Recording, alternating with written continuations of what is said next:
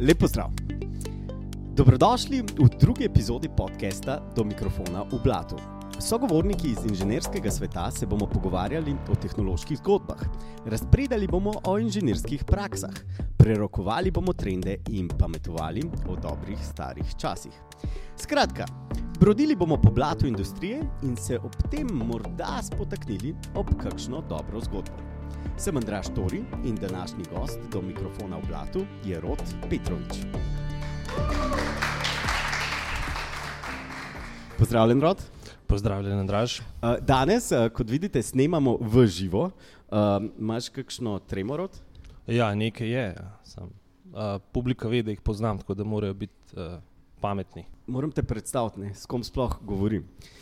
Si inženir, vodja razvoja pri podjetju Turtle, predtem si bil v Nemčiji, predtem si bil vodja razvoja na Celtri, malo v Sloveniji, malo v ZDA, še predtem si bil na Parseku, kamor si pred 12 leti prišel iz Beograda. Je to tako kratek CV? No, zgrešil si samo Intero, ki je bila pravzaprav moj prvi delodajalec v Sloveniji. In so me pripeljali iz Beograda na Ptuj, Na Ptuj. kjer so me naučili, kako biti slovenc. Uh, predvsem slovenščino so me naučili, um, kar upam, da se danes ne sliši več. Uh, pa, pa, če se ne motim, je bilo še nekaj v košarki vmes. A, ne, ne, to je bilo kar nekaj časa nazaj. Jaz sem bil uh, celo eno leto profi košarkar.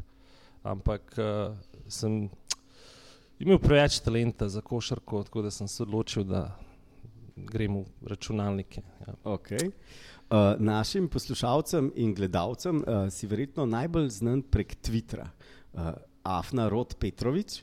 Um, To šele zdaj izvem. Ja, Uh, je, je, tako da si zelo uh, prolifik uh, Twitteraš, jaz sem pa tako bolj len uh, voditelj. Tako da, če bom uh, v bistvu kar jemal iz Twittera zgodbe in te citiral, mi ne zamerite. Pa prvo vprašanje, ogromno tvitaš.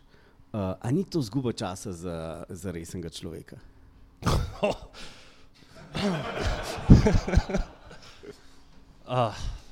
I Kaj, beg- kaj, kaj, dobiš iz tega? kaj dobiš iz tega? Ja.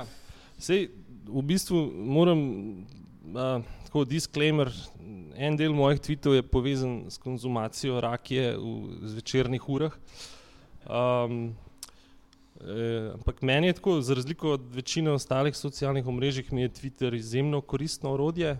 Um, večino svojih informacij dobim prek Twitterja. Mislim, pa lahko na 140, oziroma zdaj 280 karakterjih kaj koristnega, recimo za inženirja, napišeš. Definitivno, jaz mislim, da je ravno to na, na Twitterju največji added value, da ne moreš biti preveč gobčen, čeprav nekaterim uspe kljub temu, ne, um, kar jim jaz ne zamerim. Ne. Um, ampak mislim ravno to, ne, da, da, da se ti pač zgodi hitro, nek, eh, neka inspiracija, da pač nekaj poveš, ampak potem uh, se moraš nekako zožati na 140 znakov. da Ravno ta format je po mojem največji added value Twitterja. Ne. Uh, tako da ja, ja, jaz upam, da včasih uh, vsaj en odstotek mojih tweetov je, nekaj takega, ne, nekaj koristnega. Ja, upam, da jih bo nekaj imela čas prebrati danes. Jaz pa ne, ampak ok. Dobar, okay, potem pa pe, pe, pojdiva na, na inženirske teme iz Twittera. Um, ko smo se pogovarjali, si rekel, da v bistvu ti nimaš rad inženirjev, da ti, ti si razvijalec, uh, da, da imaš zelo močno mnenje, kakšna je razlika med tem. Tako, ja, no vidiš, uh, to je. Um, v bistvu zdaj opažam v zadnjih letih, da se veliko pogovarjamo uh, na temo, uh, ali smo mi razvijalci ali smo inženirji. Če si inženir, imaš menda višjo plačo in je zato fajn biti inženir. Pa tudi vem, uh, lažje najdeš ženo, menda, če sebi rečeš inženir. In tako naprej. Jaz sem veliko razmišljal, ker mene, kot bo po mojem danes tudi ugotovila, precej zanima ta socialna plat tehnologije. Ne. In, um, uh, v bistvu sem ugotovil, tako, da smo mi uh, deloma inženirji, ja, ampak uh, večinoma smo v bistvu razvijalci. Ne. Zdaj, Kaj je razlika? Jaz ne, ne razlikujem dobro. Ja. med tema besedama. No, zdaj bom jaz poskusil to do konca tega podcasta razložiti. Uh, brace yourselves. Um, ne, tako, če, če, če poskusim na hitro. Ne, um, inženirski del je po mojem, tisto, zakaj se mi zaljubimo v programiranje. Ne? Da pač ti, tako kot Lego kocke, ne? nekaj se staviš skupaj, nekaj dobiš, imaš nek načrt, veš, kaj bi rad dobil, ne? in potem napišeš svojih prvih vem, 15 vrstic kode Basica, kar je bil moj primer, ne? nekaj dobiš. Danes eh, vem, napišeš lepo funkcijo, napišeš test, ki dokaže, da ta funkcija dela, to so inputi, to so outputi in si čisto navdušen nad tem. To je inženirski del. Ampak potem, ko spremljaš dolgoročno, kaj ti pravzaprav počneš. Ne? Recimo v mojem primeru, jaz um, v bistvu nekako uh, pomagam tisočem, tisočem marketerjev, da komunicirajo uh, s svojimi naročniki. Ne? In to absolutno ni nekaj, kar lahko. Uh, delaš na inženirski način, ampak na razvojni način, ker pač se sproti učiš, delaš napake, eksperimentiraš. Um, in v bistvu jaz, jaz se vedno vrnem na, na eno izmed priljubljenih uh, slovenskih paralel uh, vrtnarjenje. Uh, mene to bolj spominja na vrtnarjenje, da ti pač vsak dan se trudiš malo izboljšati ta sistem, na katerem delaš. Ne, uh, kakšen, kakšen del kode refaktoriraš, pa si že bolj happy, tam, ker ni bilo testov, zdaj napišeš teste, pa si že bolj happy. Pa, uh, interfejs, ki recimo nekomu ni bil dovolj jasen, narediš bolj jasnega, in tako naprej. In, in če, če te take stvari veselijo, boš vesel.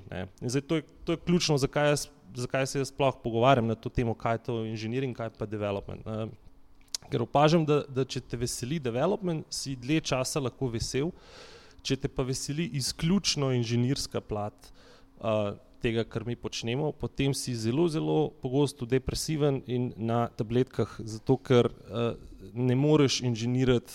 Uh, pač teh produktov, ki jih mi delamo. Ne. Za razliko od mnogih drugih produktov, kot je recimo ta kamera ali pa ta mikrofon, ne, ker je očitno zelo kompleksen produkt, ampak verjamem, da se da narediti načrt in pač veš, potem ga šipaš in je konec. Pri nas nikoli ni konec in razvoj se mora non-stop nadaljevati, da bi obstajal nek added value. Ne. Če bi zdaj kakšnega, ki se ukvarja s hardverom tukaj. ja, uh, Se, verjamem, da, da prihaja, se tako disclaimer, jaz nisem dovolj pameten za hardware, tako da s hardverjem se, ja, mogoče, ko smo sestavljali kište 20 let nazaj, tega se pač večina teh otrok tukaj ne zaveda, kako to izgleda.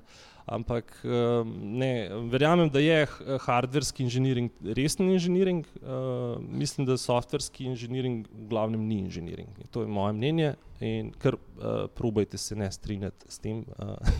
no, se, se kdo iz publike strinja, ne strinja? No, gled, vsi se strinjajo. Vsi se strinjajo. um, ampak da ni vse en tako inženiring, mogoče bolj cenjen, ker inženirji uporabljajo uh, tule od drugih inženirjev. Uh, pa, pa v bistvu zaradi tega mogoče malo bolj gledamo na to kot nekaj višjega. Nekak naj, najvišja uh, instanca tega inženiringa ali pa razvoja je pisati uh, orodja, ki jih bodo uporabljali vsi ostali inženirji. Uh, praviš, da, da ja. se s tem zelo strinjaš.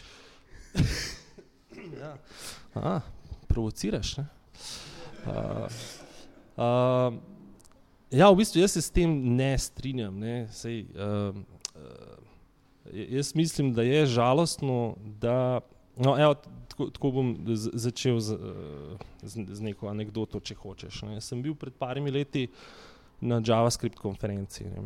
In to je moja zadnja JavaScript konferenca, ever. Uh, čeprav jaz JavaScript uporabljam ni nič slabega v tem, mi je kupil hišo. Um, ampak um, uh, na tej konferenci, uh, ki je bila ogromna, uh, so bili sami taki uh, um, open source razvijalci, avtori, recimo Igor Minar, ki je uh, avtor Angulara in ki ga Google plačuje, da dela samo na Angularu in ki se tako sproščeno uči, eh, kaj še lahko doda v Angular in se samo s tem ukvarja. In potem, jaz sem že pozabil ime, ampak avtor eh, Vue.js je potem povedal, glih takrat je povedal, da ima zdaj dovolj denarja od sponzorjev, da lahko dela na Vue.js-u full time in da mu ni treba več delati za, za te pač ostale homo sapiens, ampak samo za inženirje. In, je, in vsi so ploskali in, in uh, moderator se spomnim, je rekel, uh, oh, a dream come true. Ne?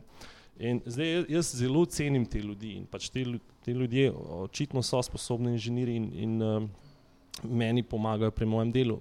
Kar pa mislim, da je rahlo žalostno, je, da, da mi na piedestal postavimo in da hočemo poslušati samo ljudi, ki uh, izdelujejo orodja. Uh, večina nas, pa cel point softverske industrije, ni da delamo orodje, ampak da delamo stvari, ki koristijo ostalim ljudem, navadnim smrtnikom, kot mi rečemo. Ne. In meni je recimo ogromno veselje, ko vidim, da nekaj, kar jaz delam, koristi drugim. In, in če dam kontraprimer, kadar sem bil na konferencah, ker softverski inženirji oziroma razvijalci ne, govorijo o tem, kako rešujejo real world probleme, ne, sem bil precej bolj, precej bolj navdušen. Um, včasih, eh, recimo, če dam konkreten primer, uh, kar nekaj časa nazaj sem bil na eni konferenci v New Yorku, kjer je govoril Jay Krebs, ki je naredil uh, Apache Kafka. Ne. In on je eden izmed teh avtorjev open source uh, orodja, na katerega se vsi zanašamo. Tam je pa govoril o njegovih izkušnjah na LinkedInu. In kar naenkrat poslušaš tega istega človeka, ki, ki, ki, ki je tako inženirski mojster, na eni strani, ko gledaš opači Kafka, pa kako dovršen izdelek je to, tam ga pa poslušaš, kako je obupan, kako je probo A, pa ni šlo, pa je probo B, pa ni šlo, pa je probo C. Pa prav vidiš tako da, da večina njegovega dela ni, da, da ti naredi vem, distribuirani log, točno tako, kot si ga ti želiš, ampak da, da osreči milijone ljudi in da ta del, zdaj, če jih je z LinkedInom osrečil, če sem iskren, ne vem, ne, ampak da, je dejstvo, da milijoni ljudi uporabljajo LinkedIn in ta del je, je uh, predvsej bolj zanimiv, vsaj meni, kot, kot pa ne vem, uh, veš, nek library, ki je izjemen in je, je uh, to, kar je, ampak uh, mislim, da ni poanta tega, kar mi počnemo. Uh, LinkedIn. LinkedIn je danes sredstvo za iskanje novih sodelavcev.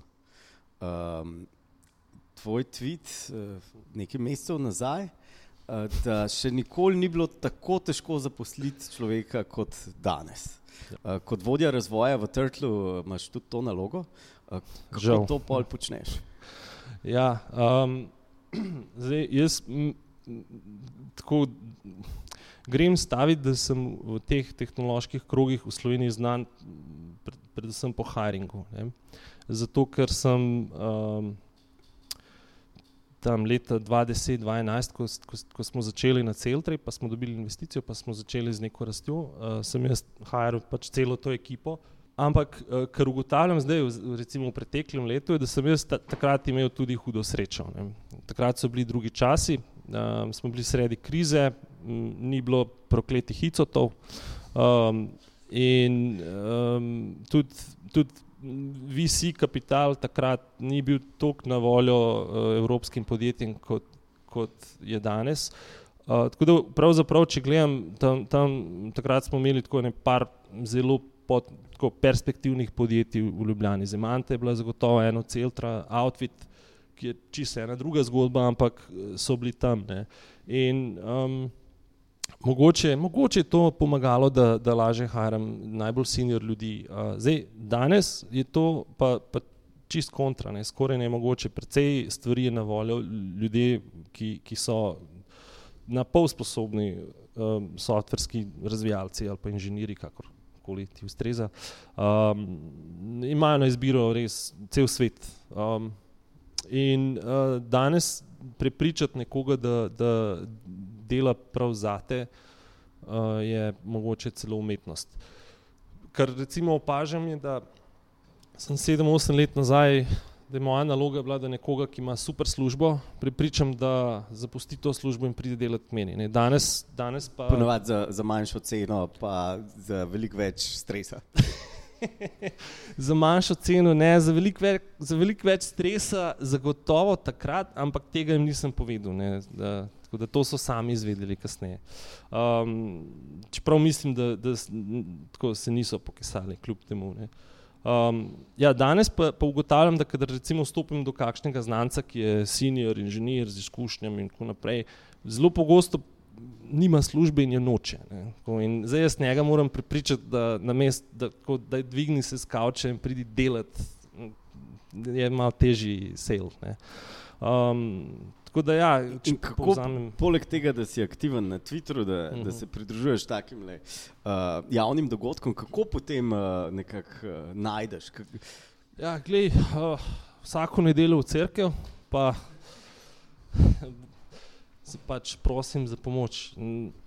Zdaj, se veš, tako Srbi nismo ravno skromen narod, da bom kar, kar rekel, da se mi zdi, da precej, da si precej bolj, precej bolj drzen sem kot ostali, kot večina ostalih employerjev v Sloveniji, ki jih poznam. Recimo, če jaz, to sem, to sem že zdavnaj opazil, da, da, da uh, če, če jaz ugotovim, da je določen inženir na določeni firmi točno to, kar jaz rabim v svoji ekipi. Jaz bom njega poklical, bom stopil do njega in ga bom, ga bom prvo spoznati. Uh, pa na, načeloma meni je tako, meni je kul cool spoznavati ljudi, pa meni na, načeloma tako se mi zdi, da po svoji naravi radi izvem več o tem, kakšni ljudje so, ne samo kaj delajo, ampak kakšni so, pa kako razmišljajo. In potem, kadar ljudi spoznaš in se zgodi čez par let, recimo, da, da točno tako človek ustreza tvoji ekipi uh, in, in se ti zdi, da, da je za njega, kar je recimo najbolj pomembno, da je za njega ali pa za njo, ampak idealno za njo, ampak žal ponavadi za njega. Ta, ta job, ki ga ti ponujaš, idealna karierna pot, potem stopiš do človeka, se usedeš z njim in, in mu razložiš, zakaj je za njega dobro, da, da pride k tebi in zakaj je karierna pot, ki ti ponujaš, mogoče ne idealna, ampak med najbolj idealnimi za njega. Ne.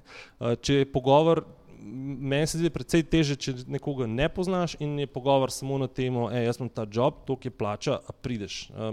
V današnjem svetu ljudje imajo toliko stvari na izbiro, da je to težek selling point. Ne. Če greš sam, kaj pa iščeš v, v razvijalcu? To, da ima deset hobi projektov, uporablja Vue.js. Uh... ne. Ne, definitivno ne, ampak tako pet hobi projektov. Pet hobi projektov. Ja. Kar, kar jaz iščem, je um, neka socialna sposobnost, uh, ker sem že zdavnaj ugotovil, da brez socialnih skillov si kot ne vem, nek super program z izjemno slabim interfejsom, ki se ga ne da uporabljati. Ne. Tako da uh, brez, brez socialnih veščin, tudi v razvijalskem svetu, pa mogoče celo še posebej v razvijalskem svetu, težko uspeš. Uh, pa ne, ne samo, ker ko to rečeš ponavadi, mnogi mislijo, da se moraš prodati. Ne, ne da, se moraš, da, se, da se moraš prodati, ampak da enostavno z drugimi ljudmi, uh, ki so različni in imajo različna mnenja in tako naprej, da imaš sposobnost Eh, taka mnenja sprejeti in mogoče celo biti malo diplomat. No, to je definitivno ena stvar, ki je zelo dobrodošla in ki jo pač preverjam in iščem take ljudi. D druga stvar pa je, kako bi rekel, neoriginalna, ne? je neka inženirska sposobnost. Um, de definitivno cenim uh, dobre osnove in to, če ne, ne veš, kaj Vue.js je, je manj pomembno, ampak uh, Rekl si, ja. da uh, ko vidiš kakšne oglase, ki recimo sveži, uh, ico startupi, ko iščejo, da v bistvu to je tvoj antioglas za, po kriterijih. Ja, dobro. Zdaj, m, mogoče ni to povezano z ico svetom. Ja, mis, mislim, da, da bi najlažje nekako tako povzel, da, da če imaš en ekstrem, ne, ki je mogoče kakšno staro državno podjetje, ne, če vzamemo vem, Telekom, Slovenija ali pa Petrol, ne, zdaj mi bojo zamerili, ampak briga me. No, če vzameš njih, ne, greš tja in tam ponovadi iščejo uh, znanje Oracle 6 in uh, Enterprise Java Beans in vem, pač neko tako zelo, zelo konkretno staro tehnologijo. Ne. Um, pa, pa če vzameš, uh, ker ne, imajo pač nek stari sistem, ki ga treba vzdrževati, in ni tega uh, junaka, ki bo to rewrite. Tako da definitivno je to njihova prioriteta. Ti pa ponudijo, da greš domov ob treh, recimo, pa da, vem, da lažje dobiš kredit, po mojem. Uh, drugi ekstrem bi pa bili neki, uh, jaz opažam, ja, start-upi ali pa, ali pa, ali pa icoti, ki, uh, ki jim je podlaga za njihov biznis model je v bistvu hype. Uh, in, in hype na vseh področjih, pa tudi na razvijalskem, tem inženirskem področju. In hype na inženirskem področju je pač latest and the greatest, in potem preverijo izključno, če ti zdaj poznaš React, pa GraphQL. In recimo, ne, če, če pa tega, če, če nisi s tem delal, ne, kar je stvar, ne, ne, ne, če slučajno kdo ni delal z Reactom, pa GraphQL v naslednji uri lahko uh, izniči to dejstvo, pač downloadaš probe. Ampak so že v taki, taki poslovni modeli, kjer je hype uh, zelo pomemben. No, um, če se vrnem, jaz, jaz upam, da sem nekje vmes, ne, da, da, da, da pač mi iščemo ljudi, ki razumejo osnove, ki se skrivajo za orodji, ki razumejo, uh, veš, mogoče nisi delal z Reactom, mogoče nisi delal z Vue.jsom, ampak uh, mi znaš razložiti, recimo, kakšen je time complexity reversanja reja v JavaScriptu, pa zakaj. Um, mi, mi pač iščemo ljudi, ki najdejo veselje, uh, če se vrnem nazaj na razvoj, v razvoju dolgoročno, ne pa v tem, da. Zdaj ne vem, če smem reči na zdravje. Ker, Kar. Na, zdravje. Bo boš to na koncu izrezal. Ja. Tako, tako da, um, skratka, ne pa v tem, da bodo uporabili zadnji library, kar ne pomeni, da ga mi ne bomo. Ne, ne bomo ja, čak, pa... sam, sam, sam, sam. Rekl si mi, uh -huh. da um, zadnje čase ljudi uh, v bistvu retrogradno silaš iz Angularja in Reacta na Angular 1. Kako, ja, je... a, a sploh kdo hoče to? Ja, očitno ne.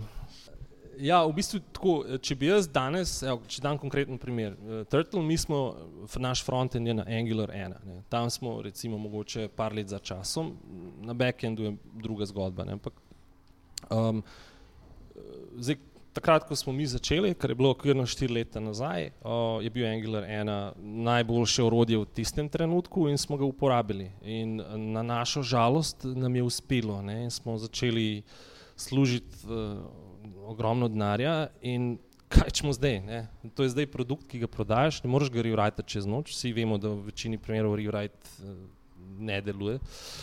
Um, in mi smo na Angularu ena. Um, nekje v prihodnosti, v bistvu zato, ker imamo, jaz si upam trditi, ne, ker imamo dobro inženirsko podlago, se trudimo to kodo pisati na tak način, da je la, lažje upgradati in vzdrževati. Recimo, da bom bolj konkreten, čeprav smo Angular 1, smo mi pogruntali načine, kako pisati kodo na ta na web, web component način, ne, ki ga zdaj furajo novejši frameworki. In ja, mogoče bomo enkrat, ko bo to ekonomsko smiselno svičnili na nekaj, ampak... Kako gotoviš, da je ekonomsko smiselno? Um, ja, jaz, jaz, mi imamo neko filozofijo, jaz, jaz si rečem pain-driven development. Ne. Okay. Um, se, če, če povzamem, je tako, tako, če se ti nekaj zdi, če pogledaš neko kodo in si rečeš, pismo je to grda koda ne, to bi bilo lepše, če bi jaz to, vem, da. Um, no, takrat se moraš ustaviti in se moraš vprašati, kolikrat v zadnjih recimo šestih mesecih te je ta koda pravzaprav bolela. Ne. In kadar je odgovor, ja, v bistvu nikoli, ampak sem čisto slučajno videl danes in se mi zdi, da bi jaz to, ok, da je nekaj, pa gremo naprej. Ne. Ko bo res bolelo, uh, se bomo usedli, pa bomo že našli način. Mi, mi, nam ni problem switchati na nove tehnologije, nismo čustveno navezani na noben library in smo že večkrat uh, v, bistvu v praksi switchnili in bomo, ampak vedno takrat, ko nas boli. Ne.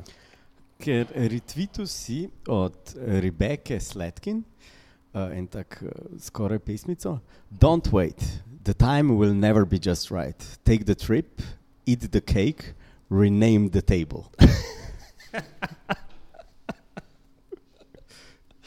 ja, veš, kaj jaz bi mogel v svoj Twitter bio dodati tisto, uh, retweets are not endorsements. Ne, okay. uh, ne sem, mislim, tako, sem očitno fan slabega humorja in tudi moji tviti odražajo to dejstvo.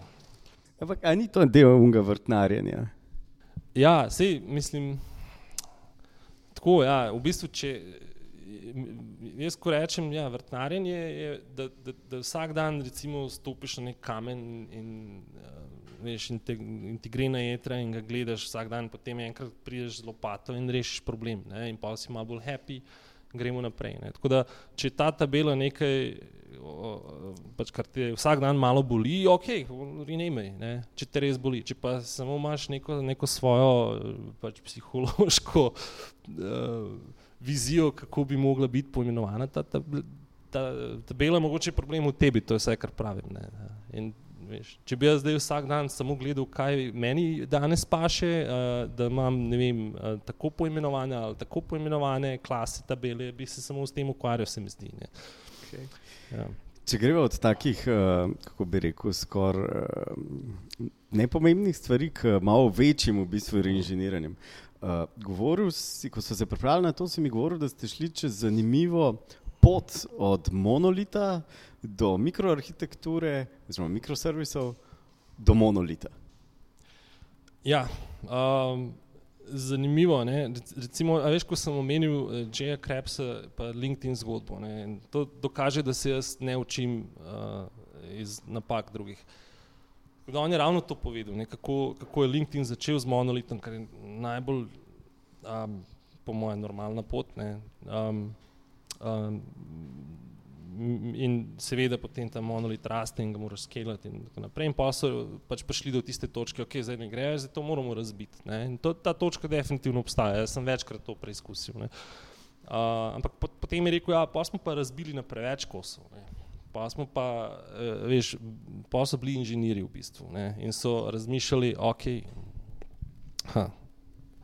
Uh, in so razmišljali, ok, uh, veš, rateli so neki uh, filozofi, ki so, ki so pač uh, ontološko razmišljali, kaj lahko sodi v un servis, kaj lahko sodi v un servis. In pa so razbili na preveč kočkov in potem so v praksi ugotovili, da, da imajo več težav, kot koristi in so šli uh, tako ne čisto nazaj na monolit, seveda, ker te izbire niso imeli, ampak so šli tako nekaj korakov nazaj in so združili ene servise. Ne. No, pri nas je zgodilo nekaj podobnega in gra, glavni krivec sem jaz. Um, mi smo lepo, za, lepo ja, da priznaš. Ja, vse to pač vejo. Ne. In ja, mi smo začeli z monolitom, kar je spet normalno, pa, smo, pa so pač prišli. Pa, pa sem pač jaz to nekako peljal naprej in pripeljal firmo še par pametnjakovičev in potem smo rekli, da ja, bi servis lahko ločili. In recimo prvi servis, ki smo ga ločili, je bil smiseln. In dan danes je to ločen servis in nas ni bolelo. V bistvu je čist, čist smiselno, lahko grem podrobnosti zakaj, ampak čist smiselno, ne, nek tracking. Pa smo pa šli naprej, pa da dajmo mi še to analitiko izločiti v servis. Uh, in po, po recimo kakšnem letu, letu pa pol uh, smo dojeli, ne, oziroma jaz sem bil zadnji, ki je dojel, pač, ampak dva, recimo, inženirja sta začela, hej, veš kaj. To, daj mi dostop do baze, ali pa da to damo nazaj v isti repo. Ne. In jaz sem pač nekaj časa filozofiral, da, da to, če daš dostop do baze, to ni več mikroservis, kaj si pol naredil in tako naprej. In da bi na koncu ugotovil, da, da, da v bistvu ste imeli prav. Da, da če gledaš filozofijo. Ja, mogoče je to nekaj, kar lahko izločiš, in ni uh, recimo ta poslovna logika tako povezana z, z, z to neko z jedrom našega produkta, ampak v praksi, lej, to so podatki, ki jih non-stop združuješ in enostavno je lažje, če to daš nazaj v ta naš monolit. Ne.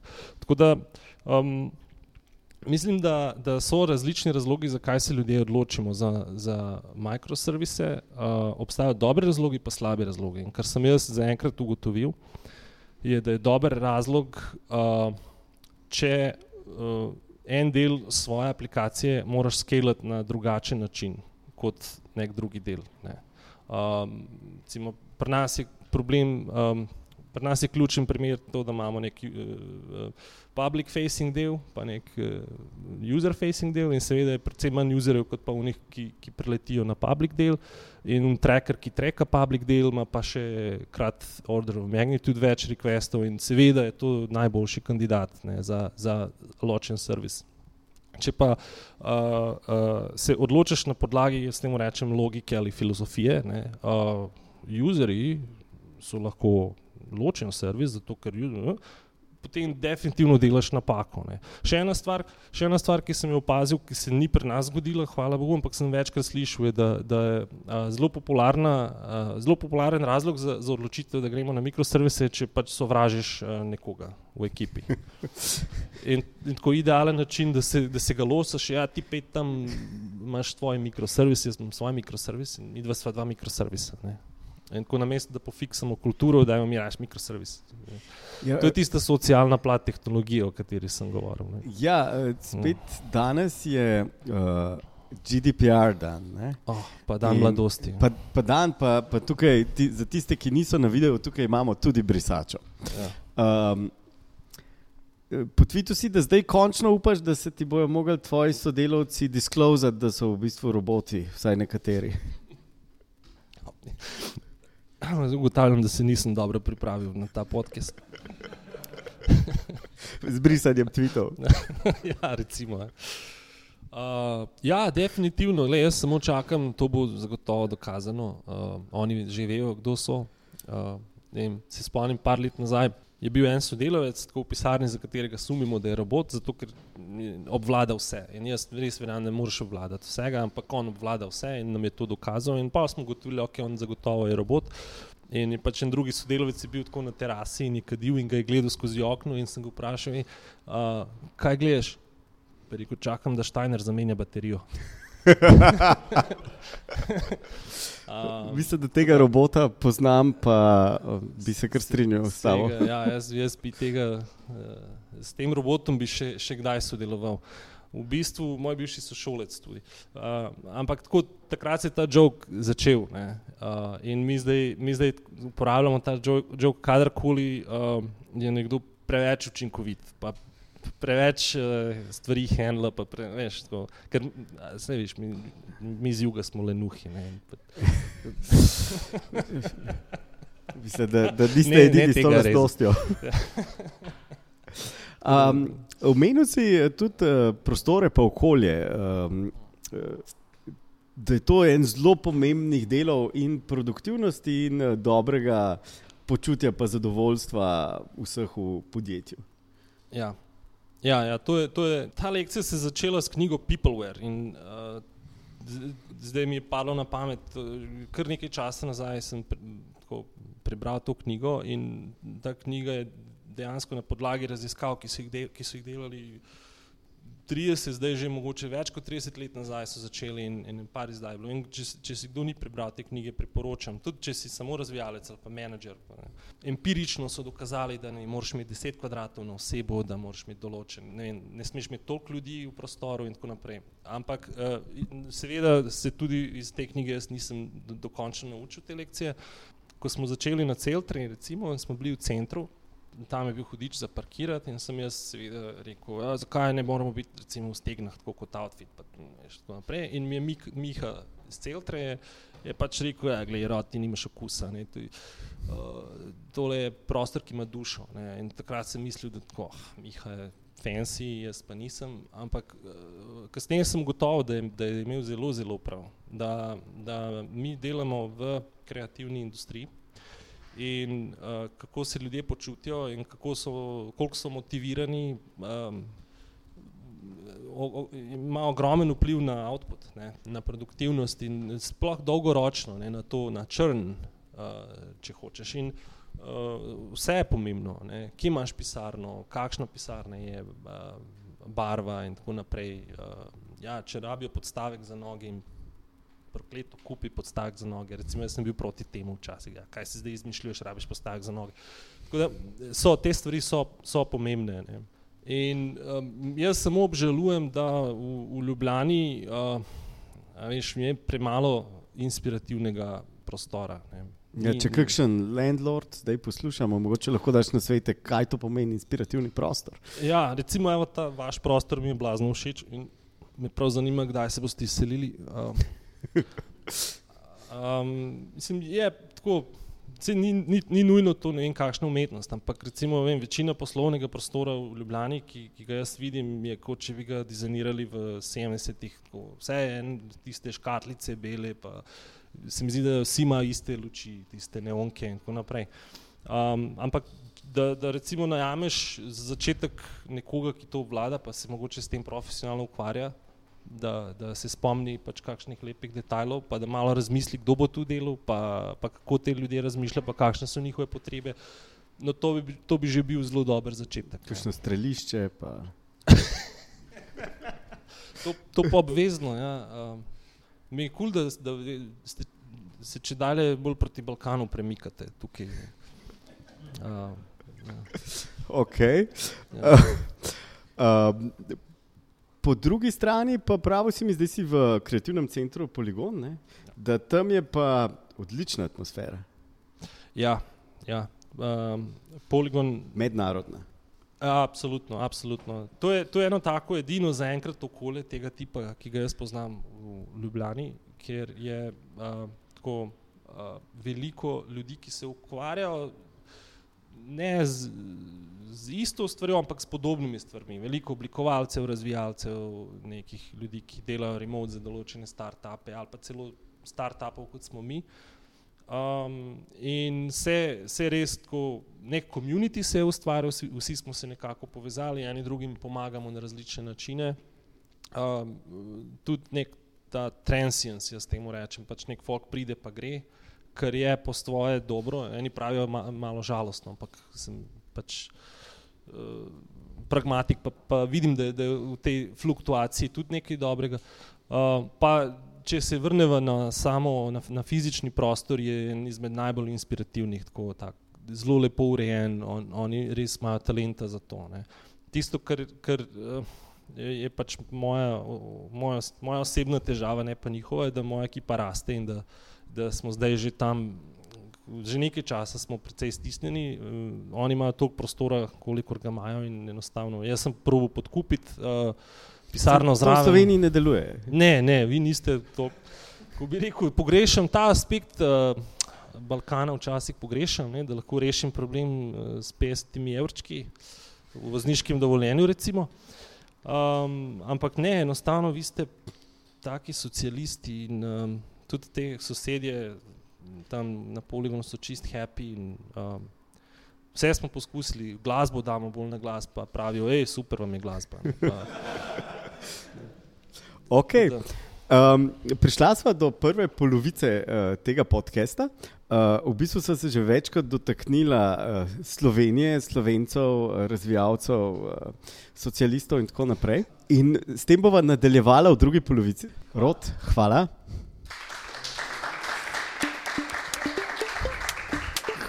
Hvala tudi uh, publiki in uh, vsem, ki so sodelovali pri tem podkastu. Za mikrofon in audio produkcijo je skrbel Boštjan Špetič, izvedbo snemanja je zagotovila Zala Korenčič in v živo ekipa v živo.